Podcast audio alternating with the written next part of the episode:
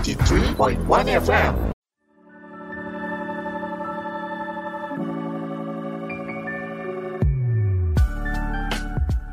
Podcast Dara, Dialog Rasa hanya di Suara Perintis Radio. Sembilan tiga poin satu FM Suara Perintis My City My Radio Cekrem luar biasa. Assalamualaikum warahmatullahi wabarakatuh. Pemerhati semuanya selamat malam. Ketemu lagi nih sama Kay di sini. Cira Via. Di mana guys? Alhamdulillah di podcast darah maksudnya. Dan alhamdulillah kita pada baik ya. Ah itu gitu. maksudnya ya. Iya betul ya. Pemerhati juga malam hari ini. Hmm. semoga masih pada semangat juga gitu ya. Iya dong harus kudu wajib ya.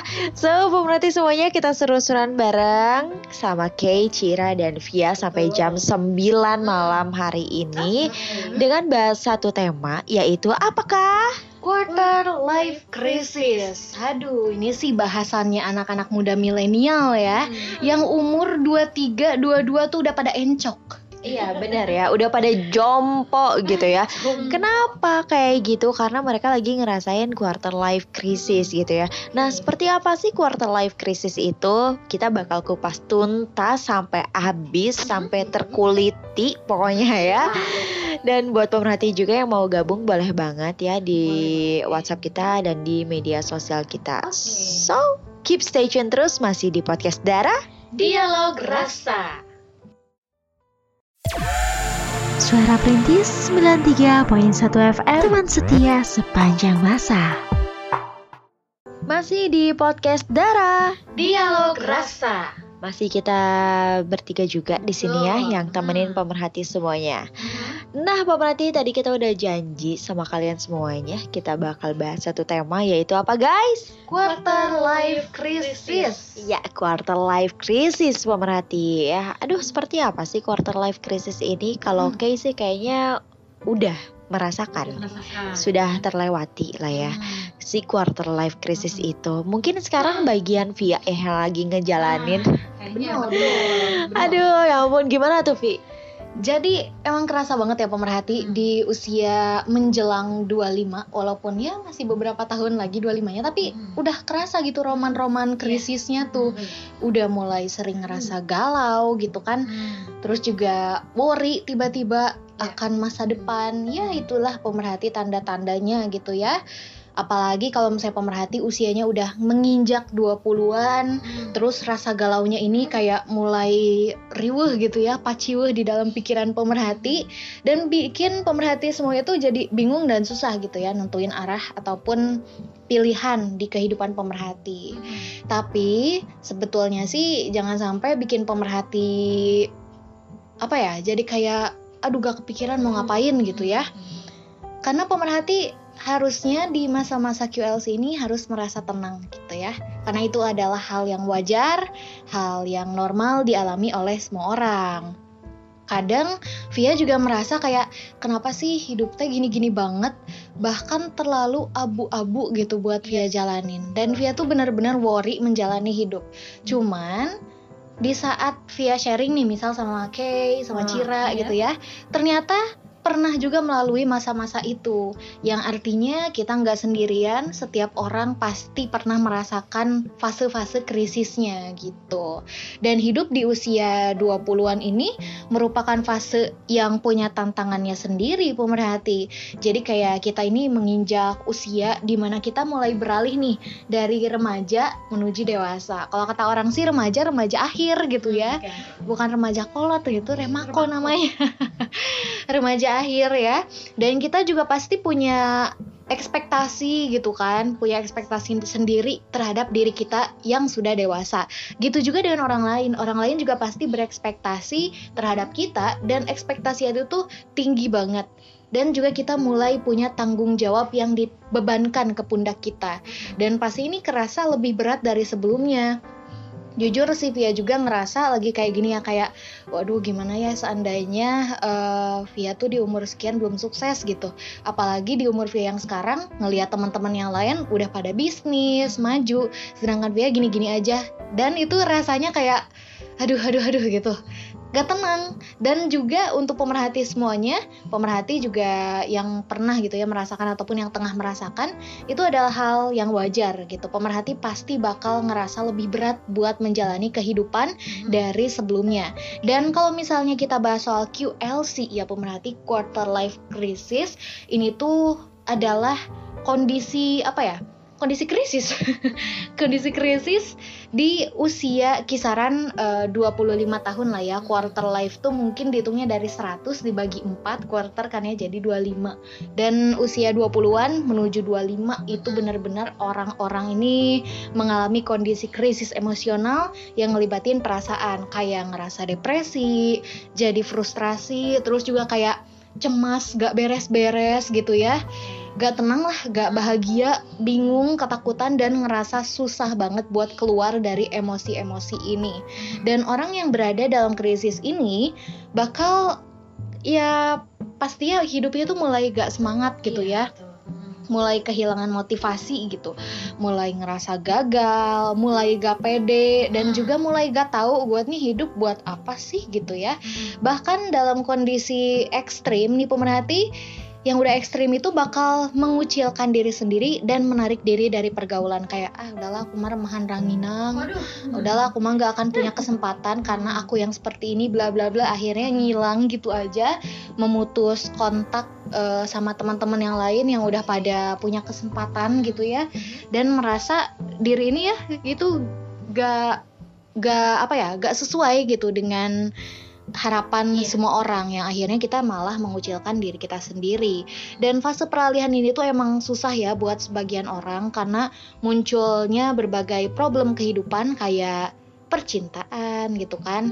Umur-umur segini ditanya mana gandengannya? Padahal Mana kita masih santai gitu ya santai. Terus juga karir ditanya sekarang kerja di mana? Kenapa kerja di sana? Bla bla bla gitu kan. Ditanyain juga soal keluarga mungkin ya kamu udah umur segini tanggung jawab kamu apa ke keluarga kamu gitu kan? Ya termasuk jadinya ujung-ujungnya juga ngaruh sama finansial gitu ya. Hal yang paling yang paling dasarnya itu yang bikin QLC ini hadir gitu ya pemerhati karena dari dalam diri kita sendiri kita menuntut diri kita buat bersikap lebih dewasa gitu. Dan kita nuntut diri kita sendiri buat yuk jalanin yuk gitu ya. Ini loh arah hidup kamu gitu kan. Tapi tanggung jawabnya itu besar banget. Makanya kita bingung juga nih kita harus ngapain ya biar sukses? Pilihan aku tepat nggak ya gitu. Terus aku tuh sebenarnya pengennya apa sih? Kenapa sih teman-teman aku tuh lebih sukses dari aku gitu? Dan pada akhirnya akan berujung ke pertanyaan aku tuh hidup ngapain aja? Aku tuh hidup buat apa yang kayak gitu Kenapa gitu ya aja gitu ya? Iya, dan itu tuh apa ya pikiran-pikiran yang memang eh, wajar gitu kalau misalnya pemerhati sedang kena eh, yang namanya fase ini gitu quarter life crisis. Jangan sampai pemerhati merasa sendirian. Pokoknya ini adalah fase yang wajar. Setiap orang pasti pernah Iya. punya fase krisisnya gitu ya. Dan itu mungkin adalah beberapa pertanyaan yang sering kita pikirkan gitu kalau misalnya kita lagi terjebak dan ketakutan sama diri kita sendiri gitu pemerhati dan juga kalau misalnya kita lihat-lihat lagi gitu ya banyak juga orang yang melakukan penelitian gitu tentang QLC apakah ini halusinasi ataukah emang fakta gitu kan. Dan ternyata ada salah satu penelitian yang dilakukan oleh University of Greenwich London. Nah, dia ini bilang kalau misalnya yang pertama itu perasaan terjebak dalam sebuah situasi entah itu pekerjaan, hubungan ataupun lainnya memang membuat kita lebih banyak pikiran gitu. Karena semasa kita remaja, kita nggak pernah dikenalkan dengan lingkungan pekerjaan itu seperti apa, membangun relasi yang sebetulnya itu seperti apa, dan lain-lainnya itu kayak perintilan kehidupan tuh seperti apa gitu ya. Dan yang kedua, kita juga mulai punya harapan kalau kita tuh bakal punya perubahan dalam hidup kita gitu. Tapi nyatanya perubahan itu entah apa, entah kita gak tahu dan akhirnya kita malah eh, ketakutan. Kok gue gini-gini aja yang itu tadi kata Kay. Dan ketiga, mulai membangun kembali hidup yang baru. Nah, kalau misalnya fasenya udah mulai menuju akhir si QLC, nah pemerhati bakal mulai kembali menata kehidupan pemerhati gitu ya, termasuk menata hati mungkin ya komitmen sama diri sendiri gitu ya. komitmen betul banget dan yang keempat yaitu tadi komitmen seputar aspirasi, motivasi dan tujuan sehingga kita benar-benar bisa laluin yang namanya QLC dan menjadi pribadi dewasa yang lebih baik. Dan lamanya kita terjebak dalam fase pertama itu tergantung dari cara kita nyikapin situasi gitu. Jadi jangan sampai lama-lama kita betah di QLC itu ya. Kayak kita lagi krisis emosi, kita bingung, ketakutan, tapi kita gak mau bergerak buat lepas dari QLC itu ya pasti kan lama gitu kan. Nah ini tuh pasti bakal ngehambat proses pemerhati dalam mengejar mimpi pemerhati. Dan sebetulnya si QLC ini nggak cuma terjadi di umur 20-an gitu ya, namanya quarter life crisis tiap 25, 25, 25, kelipatan 25 mungkin ya. Kita tuh bakal ketemu-ketemu krisis kayak gitu, kayak Iya, Jadi misal nih sekarang QLC via yang lagi via jalanin itu adalah yang pertama gitu ya. Nanti bisa jadi eh, menuju 50 tahun ataupun usia parubaya gitu ya kayak 45 ke atas itu mulai ketemu lagi krisis-krisis gitu. Iya. yang pastinya jangan sampai kita eh, kalah sama krisis itu. Karena kalau misalnya kita bisa melalui krisis ini ini mah keyakinan via aja sih kita bakal menjadi pribadi yang lebih kuat gitu buat ngadepin masalah-masalah di depan sana gitu. Karena perjalanan kita masih jauh gitu pemerhati Mm-mm, jangan sampai kayak aduh nih umur 22 udah encok gitu ya. Aduh jompo gitu kebanyakan duduk. Dan kita eh, kayak ya udahlah gitu. Aku mah emang kayak gini mirin takdirnya. Aduh meni pasrah gitu ya. Nah itu tuh harus eh, dilalui dengan penuh percaya diri lah. Kita Betul. pasti bisa melalui itu Semangat semuanya. ya. seperti itu Nah, seperti itu dia ya pemerhati eh, garis besar lah quarter life crisis yang kata Via tadi yang ternyata quarter life crisis ini menyerang usia menyerang! Udah kayak penyakit ya. Penyakit sih penyakit ini penyakit kehidupan menyerang usia 20 sampai 30-an lah ya. Hmm. Uh-uh. Bahkan di usia 40 dan parubaya kata Via bilang tadi 50 tuh masih terjadi life crisis gitu ya. Tapi uh, mungkin aja kita baru dapat fase yang pertama Hmm. di umur segini, fase yang kedua, ketiga, keempat kayak gitu pemerhati. Ya uh, apa ya? Sama ya eh, seperti apa ya seperti kita menjalani hidup ada proses-prosesnya gitu ya. Ada beberapa step gitu. Nah di quarter life crisis juga tadi kayak hitung tuh via ada empat step ya. Ada empat ada tahap pertama kedua ketiga sampai pada tahap keempat. Yang tahap keempat itu kita tuh udah kayak mulai nemuin eh, komitmen ya Nah, komitmen sama diri sendiri, oh kayak gini, oke ternyata aku tuh harus kayak gini, kayak gini, kayak gini. Oh ternyata aku tuh klubnya kerjanya kayak gini di sini deh. Terus aku tuh kayaknya harus ngelanjutin pendidikan lagi deh kayaknya, misalnya kayak gitu. Nah itu dia pemerhati semuanya ya eh, gambaran eh, mengenai ya eh, quarter life crisis. Yes. Jadi buat kalian semuanya yang mungkin aja relate sama tema yang kita bahas kali ini, boleh banget langsung curhatin aja. Terus udah gitu bisa tanggepin atau mau ngasih masukan apa pun itu boleh banget di WhatsApp kita di 081388880931 atau di media sosial kita di mana Vi? Instagram di @suaraperintis underscore sukabumi Oke ya pemerhati semuanya? So keep stay tune terus masih di podcast Dara. Dialog rasa.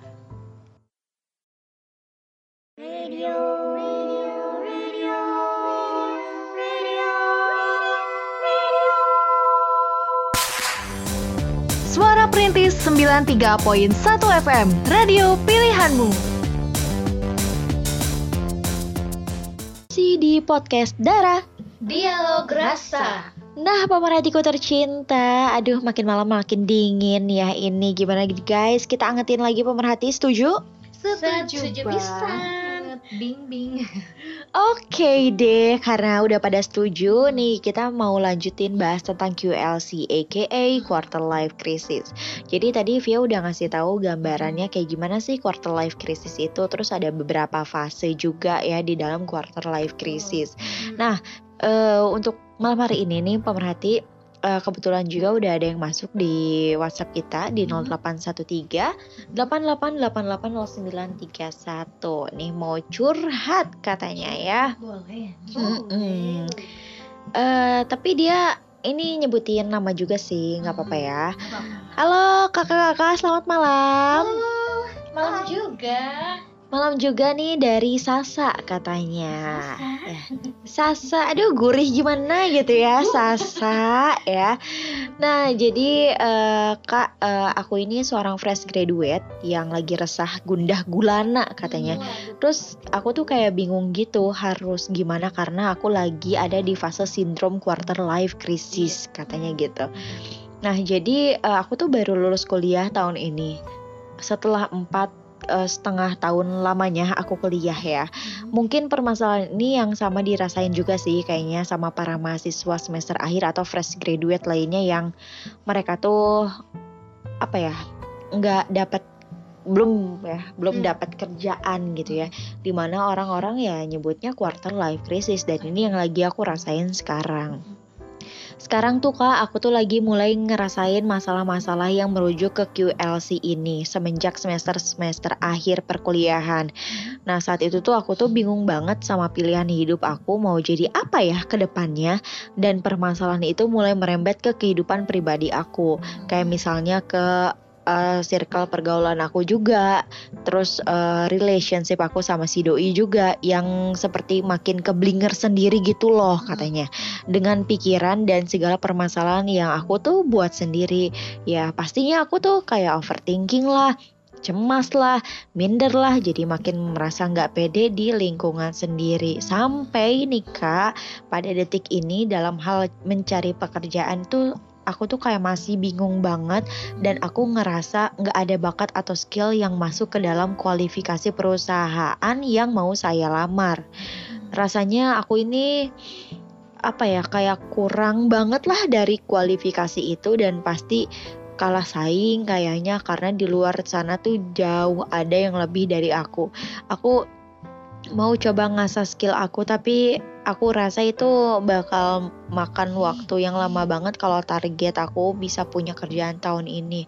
Dan aku juga masih bingung nih Kak sampai detik ini hal apa yang harus aku lakuin ya Kak selain mencoba ngelamar kerja dan belum ada yang menyambut balik lamaran aku bingung. Makasih Kak. Sekian buat malam ini. Oke, jadi ini relate banget sih sama eh, Via dan juga cerita teman-teman Via yang lain. Kayak kita nih fresh graduate, kita beres sih kuliah gitu. Cuman ketika kita di apa ya diluluskan gitu sebagai sarjana, kayak itu tuh belum apa-apa. Itu tuh baru awal dari kehidupan yang sebenarnya gitu kan ya. Makanya nggak heran para fresh graduate ini benar-benar struggle. Dan juga eh, yang bikin kita bingung tuh kadang gini ini mah yang permasalahan standar lah ya kayaknya setiap orang juga bingung kalau misalnya ada di posisi ini jadi perusahaan itu kan biasanya minta orang yang udah punya pengalaman kerja. Sedangkan fresh graduate ini gimana bisa dapetin kerja kalau setiap perusahaan syaratnya harus punya pengalaman kerja gitu kan? Mm-mm. Nah, kalau via pribadi sih mungkin ya, mumpung sekarang eh, siapa tadi namanya? Sasa ya. Sasa ini masih di semester akhir, otomatis masih kuliah juga kan ya. Masih banyak kesempatan buat Sasa walaupun di detik-detik terakhir untuk mengikuti pelatihan-pelatihan ataupun seminar gitu ya nantinya bisa. Oh udah lulus. fresh graduate udah lulus selama empat setengah tahun. Oh, oke oke oke. Jadi dia harus gimana ya Hmm. selagi dia menunggu eh, apa lamarannya di reply sama para perusahaan yang dia Hmm. lamar, aku tuh harus ngapain ya gitu. Oh oke, tapi sudah dirasakannya si QLC ini dari pas semester akhir Iya, kuliah gitu ya. benar. Oh oke oke oke. Hmm. Tapi ya kalau menurut Via sih eh, tetap ini ya kalau misalnya perusahaan nyarinya pengalaman kerja sebetulnya bisa dihandle juga kalau misalnya kita punya kemampuan-kemampuan lain gitu yang bisa bikin mereka yakin. Nah mungkin nggak ada salahnya untuk mengikuti kelas-kelas pelatihan gitu karena pelatihan itu nggak akan makan banyak waktu sebanyak kita berkuliah gitu. Jadi kayak lebih efektif aja sih kalau menurut Via. Dan yang pasti dari dalam diri Sasa sendiri harus eh, tetap semangat gitu ya Iya, untuk betul. belajar dan juga mengumpulkan pengalaman ataupun jam terbang di hal-hal yang salah satu berpikir kayaknya aku lumayan deh gitu. Kalau misalnya aku ngerjain ini hasilnya lumayan deh misalnya. Ditekunin terus tetap semangat progres di sana tambahin jam terbang di sana mana tahu itu bisa jadi portofolio gitu. Jadi untuk Sasa tetap semangat kalau menurut Via seperti itu ya. Semoga sih ke depannya bisa menemukan kesempatan-kesempatan yang baik. Apalagi Sasa ini sebagai mahasiswa udah banyak juga pengalaman belajarnya di kampus yang pastinya itu juga bakal ngebantu Sasa untuk mencapai kesuksesan gitu. Iya, betul banget nih. Mungkin ada bojangan juga dari Cira gimana nih, Cira? Ujangan. Ujangan ya. Aduh. Iya, tadi sama ya sama kata Pia juga yang pasti untuk Sasa, ini Sasa namanya. Iya, Sasa. untuk Sasa eh, intinya jangan pernah bosan lah ya untuk me- apa mencoba belajar belajar mencoba sesuatu gitu ya yang mungkin eh, sambil nunggu apa tadi lamarannya dap- kerja. Nah gitu. Pokoknya mencoba hal-hal yang itu deh yang baru gitu yang yang positif juga. Eh, yang pasti jangan pantang menyerah lah gitu ya. Semangat terus betul kata Pia juga. Dan intinya jangan cepat bosan itu aja sih ya iya betul banget ya. Jangan cepat bosan untuk mencari dan belajar mengenai hal-hal baru yang tentunya itu bisa bermanfaat buat Sasa sendiri tentunya gitu. Terus setuju banget ya sama yang Via bilang tadi harus tekun juga ya. Eh, coba deh buat Sasa sendiri sambil nunggu lamaran kamu di reply sama perusahaan yang lagi kamu lamar. eh, cobain tuh tekunin bidang karir yang kamu sukain gitu ya sekarang. Misalnya kayak kamu suka apa ya berorganisasi kamu gabung di apa ya organizer apa gitu ya mungkin bisa ja- bisa seperti itu. Terus eh, apa ya jangan ragu lah buat eh, ngasih challenge gitu ke diri sendiri dengan coba karir yang kamu eh, sukai. Walaupun apa ya kamu lagi lamar sana lamar sini tapi kerjain dulu yang ada gitu ya. Nggak apa-apa lah kalau nge freelance freelance dulu nggak apa-apa gitu. Itu bakal ini kok kayak bakal jadi Bekal. ya nambah bekal ya. pengalaman juga portofolio juga kata Hmm. Via tadi ya dan tentunya itu bakal jadi motivasi yang bisa kamu dapetin terus juga kamu bisa dapat pengetahuan baru dari apa yang kamu pelajari baru-baru ini gitu. Terus eh, kalau misalnya kamu kayak ngerasa apa ya eh, ah nggak mau ah aku mah nggak mau nge-freelance nggak cocok kerjanya sama aku dan bla bla bla mungkin kamu kayak masih ngerasa idealis gitu ya. Nah itu bi- mungkin bisa dikurang-kurangin kayak gitu lah ya. Apalagi eh, mencari dengan langsung berpatokan pada ukuran kesuksesan kamu gitu. Karena Via juga kenal salah satu orang yang benar-benar dia tuh punya kesempatan tapi dia ngelihat kesempatan itu kayak ih emang enggak ah kayak gitu mah gitu ning. Jadi kayak dia tuh udah punya standar aku tuh pengen gaji sekian gitu padahal mah ya fresh graduate gak apa-apa itu kesempatan benar. kesempatan bagus iya benar banget kesempatan bagus buat kalian tuh eh, apa ya Meng- lah gitu Iya, ya. Coba betul. dulu aja gitu ya. Siapa tahu dengan kesempatan itu membuat kamu tuh jadi sukses ya. Eh siapa tahu kan dari apa namanya yang misalnya ya yang eh, siapa Sasa tadi mm, melamar ya kerjaan tuh belum tentu sukses kayak yang sekarang misalkan kayak gitulah intinya. Iya, benar kayak gitu ya, Sasa. Pokoknya semangat terus. eh dicoba lagi ya untuk ngelakuin perencanaan karir yang benar juga. Dan eh, kamu bisa cari peluang karir yang lebih besar lagi diisi dengan kegiatan-kegiatan positif. Ya nggak apa-apa nggak freelance freelance lu nggak apa-apa. Sambil nunggu lamaran kamu di replay ya. Oke deh, Sasa thank you banget buat malam hari ini. Kamu udah share beberapa eh beberapa. Udah share eh, ceritanya dan eh, masih di podcast Dara tentunya pemerhati semuanya. Jangan ke mana-mana keep stay tune. Suara Perintis 93.1 FM Teman setia sepanjang masa. 93.1 FM Suara Perintis Bali City My Radio Jack Rem luar biasa. Masih di mana guys? Podcast Dara dialog rasa Oke, masih di dialog rasa bareng kita bertiga via KN Cira ya. Cira yang ceria, gimana masih ceria malam hari ini? Pastinya. Oke, kalau ceria em, pemerhati juga pasti ikut ceria dong. Oke deh, back to laptop pemerhati kita masih bahas satu tema yang asik banget nih karena pasti kalian pernah ngerasain ini gitu quarter. Nah, ataupun sedang merasakan quarter life crisis.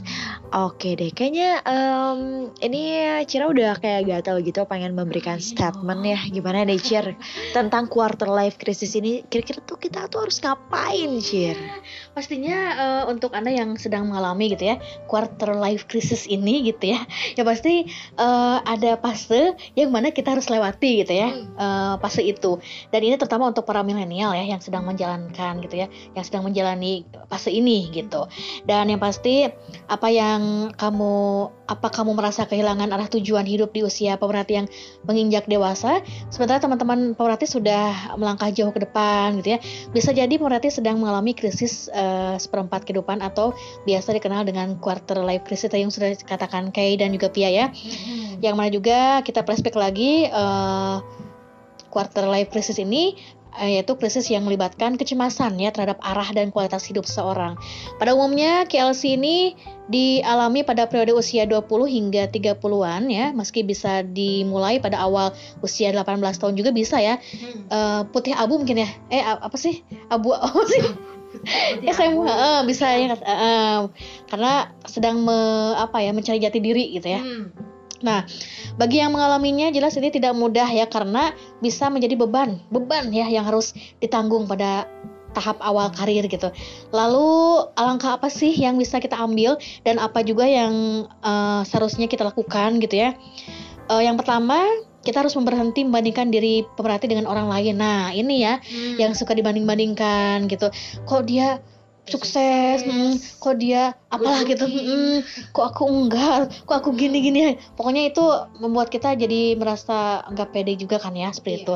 Entah sudah berapa lama pemerhati melakukannya, tapi kita hidup di era media sosial dan bukan hal yang aneh bila pemerhati menemu- menemukan kehidupan orang lain yang lebih sukses, misalnya jodoh pernikahan juga ya, yang cepat, karir cemerlang, dan keluarga bahagia. Semua itu eh, adalah kehidupan orang lain ya. Mulai saat ini berhenti membandingkan kehidupan pemerhati dengan kehidupan yang eh, pemerhati inginkan ya, bukan membandingkannya dengan kehidupan orang lain. Jika perlu, miliki dan lakukan kegiatan baru yang bisa mendukung pencapaian hidup pemerhati agar lebih baik ke depannya gitu ya. Bener. Kemudian juga kita harus berhenti mengharuskan diri perhati gitu. Jadi apa ya istilahnya kekeh gitu ya mengkekehkan gitu. Memaksa diri ataupun kita kekeh untuk mencapai target pada tolok ukur tertentu memang bukan hal buruk ya. Tapi jika pemerhati justru merasa terbebani dengan mengharuskan diri gitu ya demi mencapainya sebaiknya hentikan ya. Jadi pemaksaan intinya ya. Ingat juga bahwa kenyataan tidak selalu sesuai dengan harapan bener kan? Nah, pemerhati tidak perlu mengharuskan diri pemerhati untuk menikah misalnya nih pada target usia segini gitu ya. Atau harus mempunyai uang banyak agar lebih bahagia dan lain sebagainya. Biarkan sajalah diri pemerhati berproses gitu ya. Ada indikator lain yang lebih baik yang bisa dijadikan acuan. Lakukan saja apa yang harus dilakukan, berikan diri pemerhati waktu sejenak dan tinggalkan hal-hal yang memaksa pemerhati berharap terlalu tinggi gitu ya. Boleh sih ya ber apa namanya? Eh ber, bukan berandai-andai jadi nah tapi jangan sampai apa ya memaksakannya terlalu memaksakan gitu ya. Ini jangan juga ya dilakukan. Kemudian juga kita harus mengenali lagi kepribadian kita sendiri ya. Nah apakah benar pemerhati sudah menjadi diri pemerhati yang sesungguhnya? Nah ini ya kita cenderung lebih mengenal karakter favorit kita dari teman atau pada diri kita sendiri. Jika belum, maka pemerhati perlu mengenal lebih eh, kembali diri pemerhati seperti kelemahan, kelebihan, kesukaan, tujuan dan hal yang berkaitan dengan kepribadian pemerhati gitu ya. Selanjutnya, lakukan perubahan pada hal yang semestinya perlu pemerhati ubah. Dengan begitu, pemerhati akan lebih mengenal kepribadian pemerhati dan lebih percaya diri untuk maju menghadapi tantangan di luar sana gitu ya.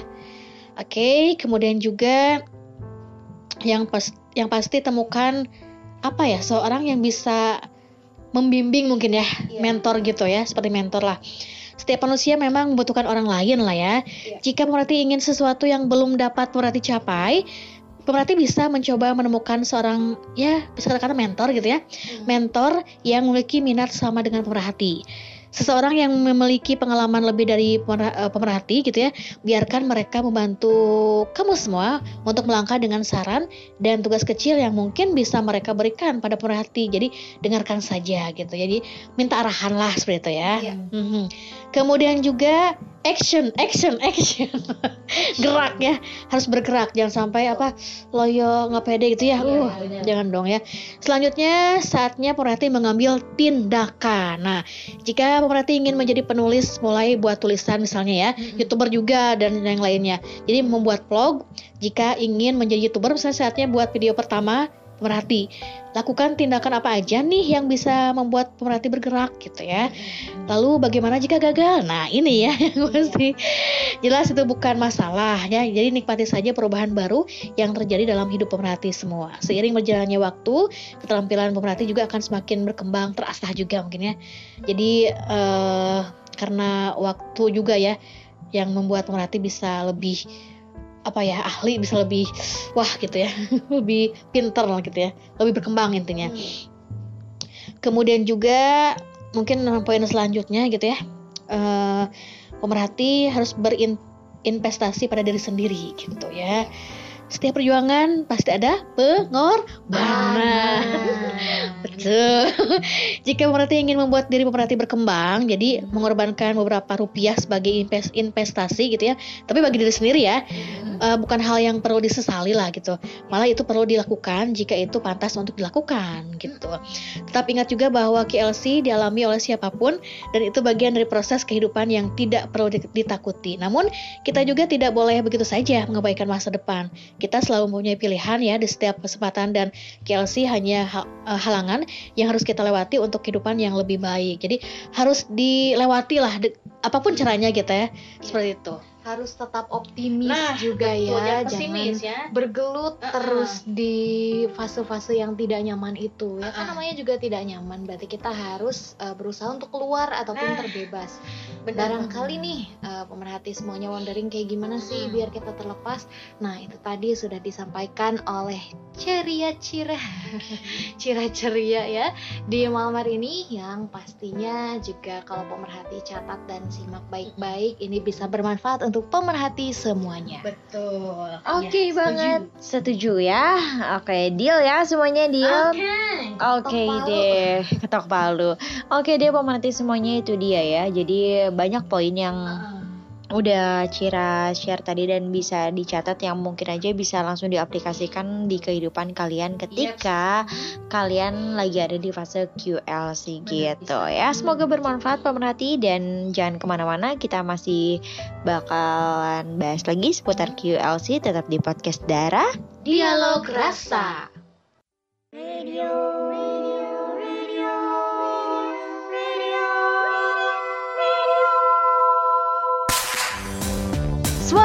Perintis 93.1 FM, radio pilihanmu. 93.1 FM Suara Perintis. by City Mayu Radio Jekrem luar biasa Oke, pemerhati semuanya masih seputar quarter life crisis di podcast Dara. dialog Ya, dialog rasa ya. Jadi mau masuki usia 20-an nih, mana suaranya ya?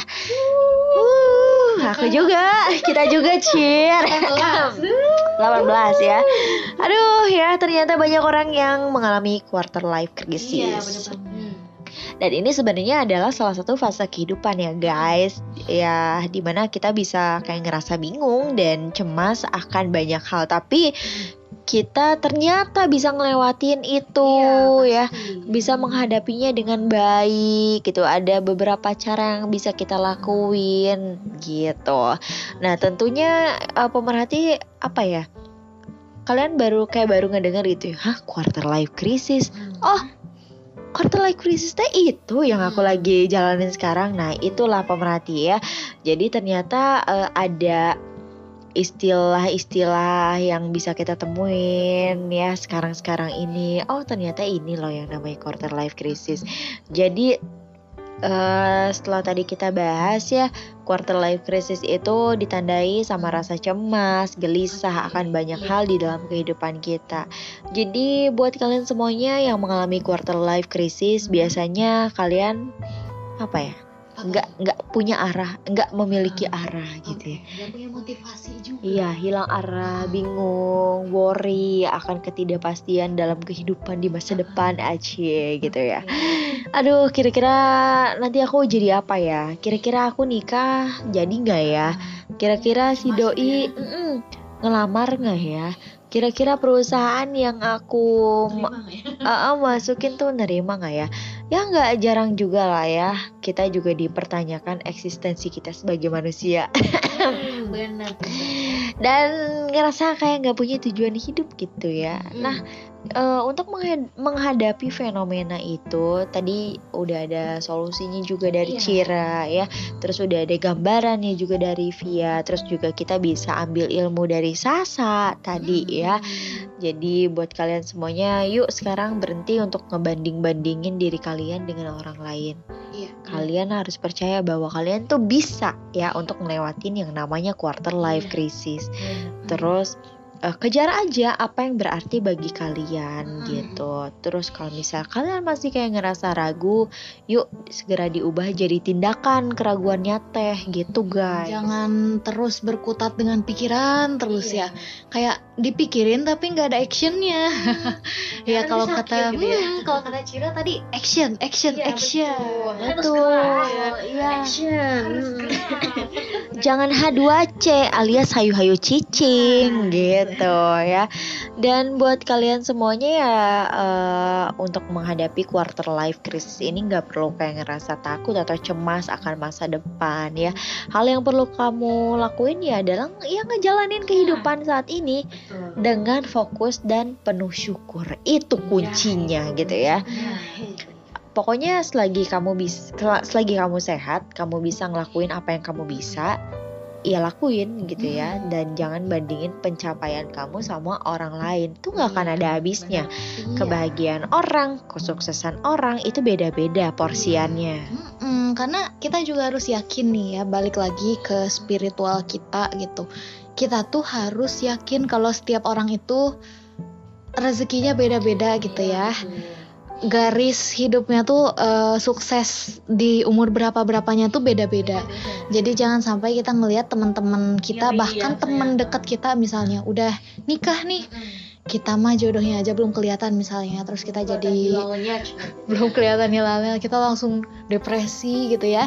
Jangan sampai seperti itu. Nah kita harus yakin juga ke depannya kita juga punya rezekinya kita ada jodohnya dan lain-lain. Harus tetap optimis juga nih pemerhati. Dan juga kalau yang Via rasain ya ketika merasakan yang namanya kebimbangan penting banget sih peran seseorang gitu ya yang mau temenin kita gitu di masa-masa kita kayak lagi kita gak Mm-mm, kita nggak punya apa-apa tapi kita butuh dukungan untuk menjadi apa-apa gitu ya. Jadi kita butuh banget teman nggak ada salahnya pemerhati juga tetap pertahankan eh, relasi pemerhati dan teman-teman pemerhati yang mungkin kemarin udah sengaja dibikin lost kontak karena capek gitu ya harus komunikasi terus. Akhirnya di dicuekin gitu aja dan kita menarik diri itu adalah langkah yang gak bagus sih pemerhati ya. Tapi memang eh, apa ya yang Via rasakan juga kayak gitu pemerhati begitu masuk QLC ini rasanya tuh aduh gak mau banyak ngobrol dulu sama orang deh soalnya tiap ngobrol sama orang pusing gitu bawaannya teh kayak juet gitu Mm-mm. Iya, dan kita eh, sering kali menarik diri gitu. Tapi ternyata ketika kita menarik diri, ya kita malah jadinya tuh bergelut dengan pikiran-pikiran kita yang itu ya, yang sedang lemah itu. jadi kita ngerasa ba- jadi banyak pikiran gitu. Di pikiran kita tuh jadi makin banyak hal-hal yang membuat kita makin bingung, makin kesel, misalnya makin emosi gitu. Nah, di situlah peran eh, orang-orang terdekat kita gitu buat temenin, buat ngabang berangken gitu ya, beban-beban pikiran juga nih pemerhati. Makanya nggak ada salahnya ya untuk pemerhati tetap pertahankan koneksi pemerhati semuanya dengan teman-teman yang mungkin kemarin sempat di lost kontakin karena pemerhati mulai QLC aksi. Uh, dan juga ingat juga ya, berarti jangan sampai uh, apa namanya menyerah duluan lah gitu ya, Hmm. sebelum pemerhati semua bertindak dan jangan sampai takut ya, khawatir cemas dengan fase ini ya. Ya. Semua pasti akan merasakan fase ini gitu ya. Ya pasti kitanya harus betul-betul apa ya uh, semangat gitu ya, karena dengan fase ini akan menjadikan pemerhati semua lebih dewasa gitu ya, lebih dewasa lagi, lebih uh, matang lagi dalam berkehidupan lah seperti itu ya. Ingat juga jangan sampai mager terus ya action ber uh, action uh, gerak juga terus ya. Lebih baik mencoba daripada tidak sama sekali itu aja ya. Nah, itulah ya eh, pemerhati semuanya ya. Itu adalah eh, quotes of the day dari Cira ya. Lebih baik mencoba Lebih lebih baik mencoba daripada mengobati. Udah mulai nih ya. aduh itu ya aku. Aduh sampai batuk nih ya. Hmm, quote quotes of the day-nya. Ya, oke deh pemerhati semuanya. Itu dia ya. Banyak banget ilmu-ilmu yang bisa kita catat yang mungkin aja pemerhati semuanya lagi ada nih di fase quarter life crisis gitu ya. Kalau misalnya kalian masih apa ya kayak bertanya-tanya gitu ya, ih ini ya apa ya eh, kenapa ya ada muncul rasa keraguan dalam diri ini gitu untuk melangkah ke langkah selanjutnya. Entah itu dalam karir, pendidikan atau jodoh gitu ya. Ya wajar kalau di dalam hidup ini kita kayak ngerasa ragu gitu ya akan banyak hal. Tapi kalau misalnya ragu terus kapan kita bakal mulai langkah gitu ya? Ya jadi buat kalian semuanya nih pemerhatiku tercinta cobalah untuk lebih fokus sama hal hal-hal yang positif dan mulai lakukan sesuatu. Yuk bisa. Yuk bisa pokoknya ya. yakin ya. pasti yakin. Apa yang buat kamu takut itu eh, apa ya? Itu nggak akan mungkin terjadi lah. Kalau misalnya kalian tetap berusaha. gitu ya. Kalau misalnya kalian yakin gitu. Oke dia pemerhati semuanya eh terkupas sudah ya tentang quarter life crisis. Di malam hari ini jangan sampai quarter life crisis ini berkepanjangan.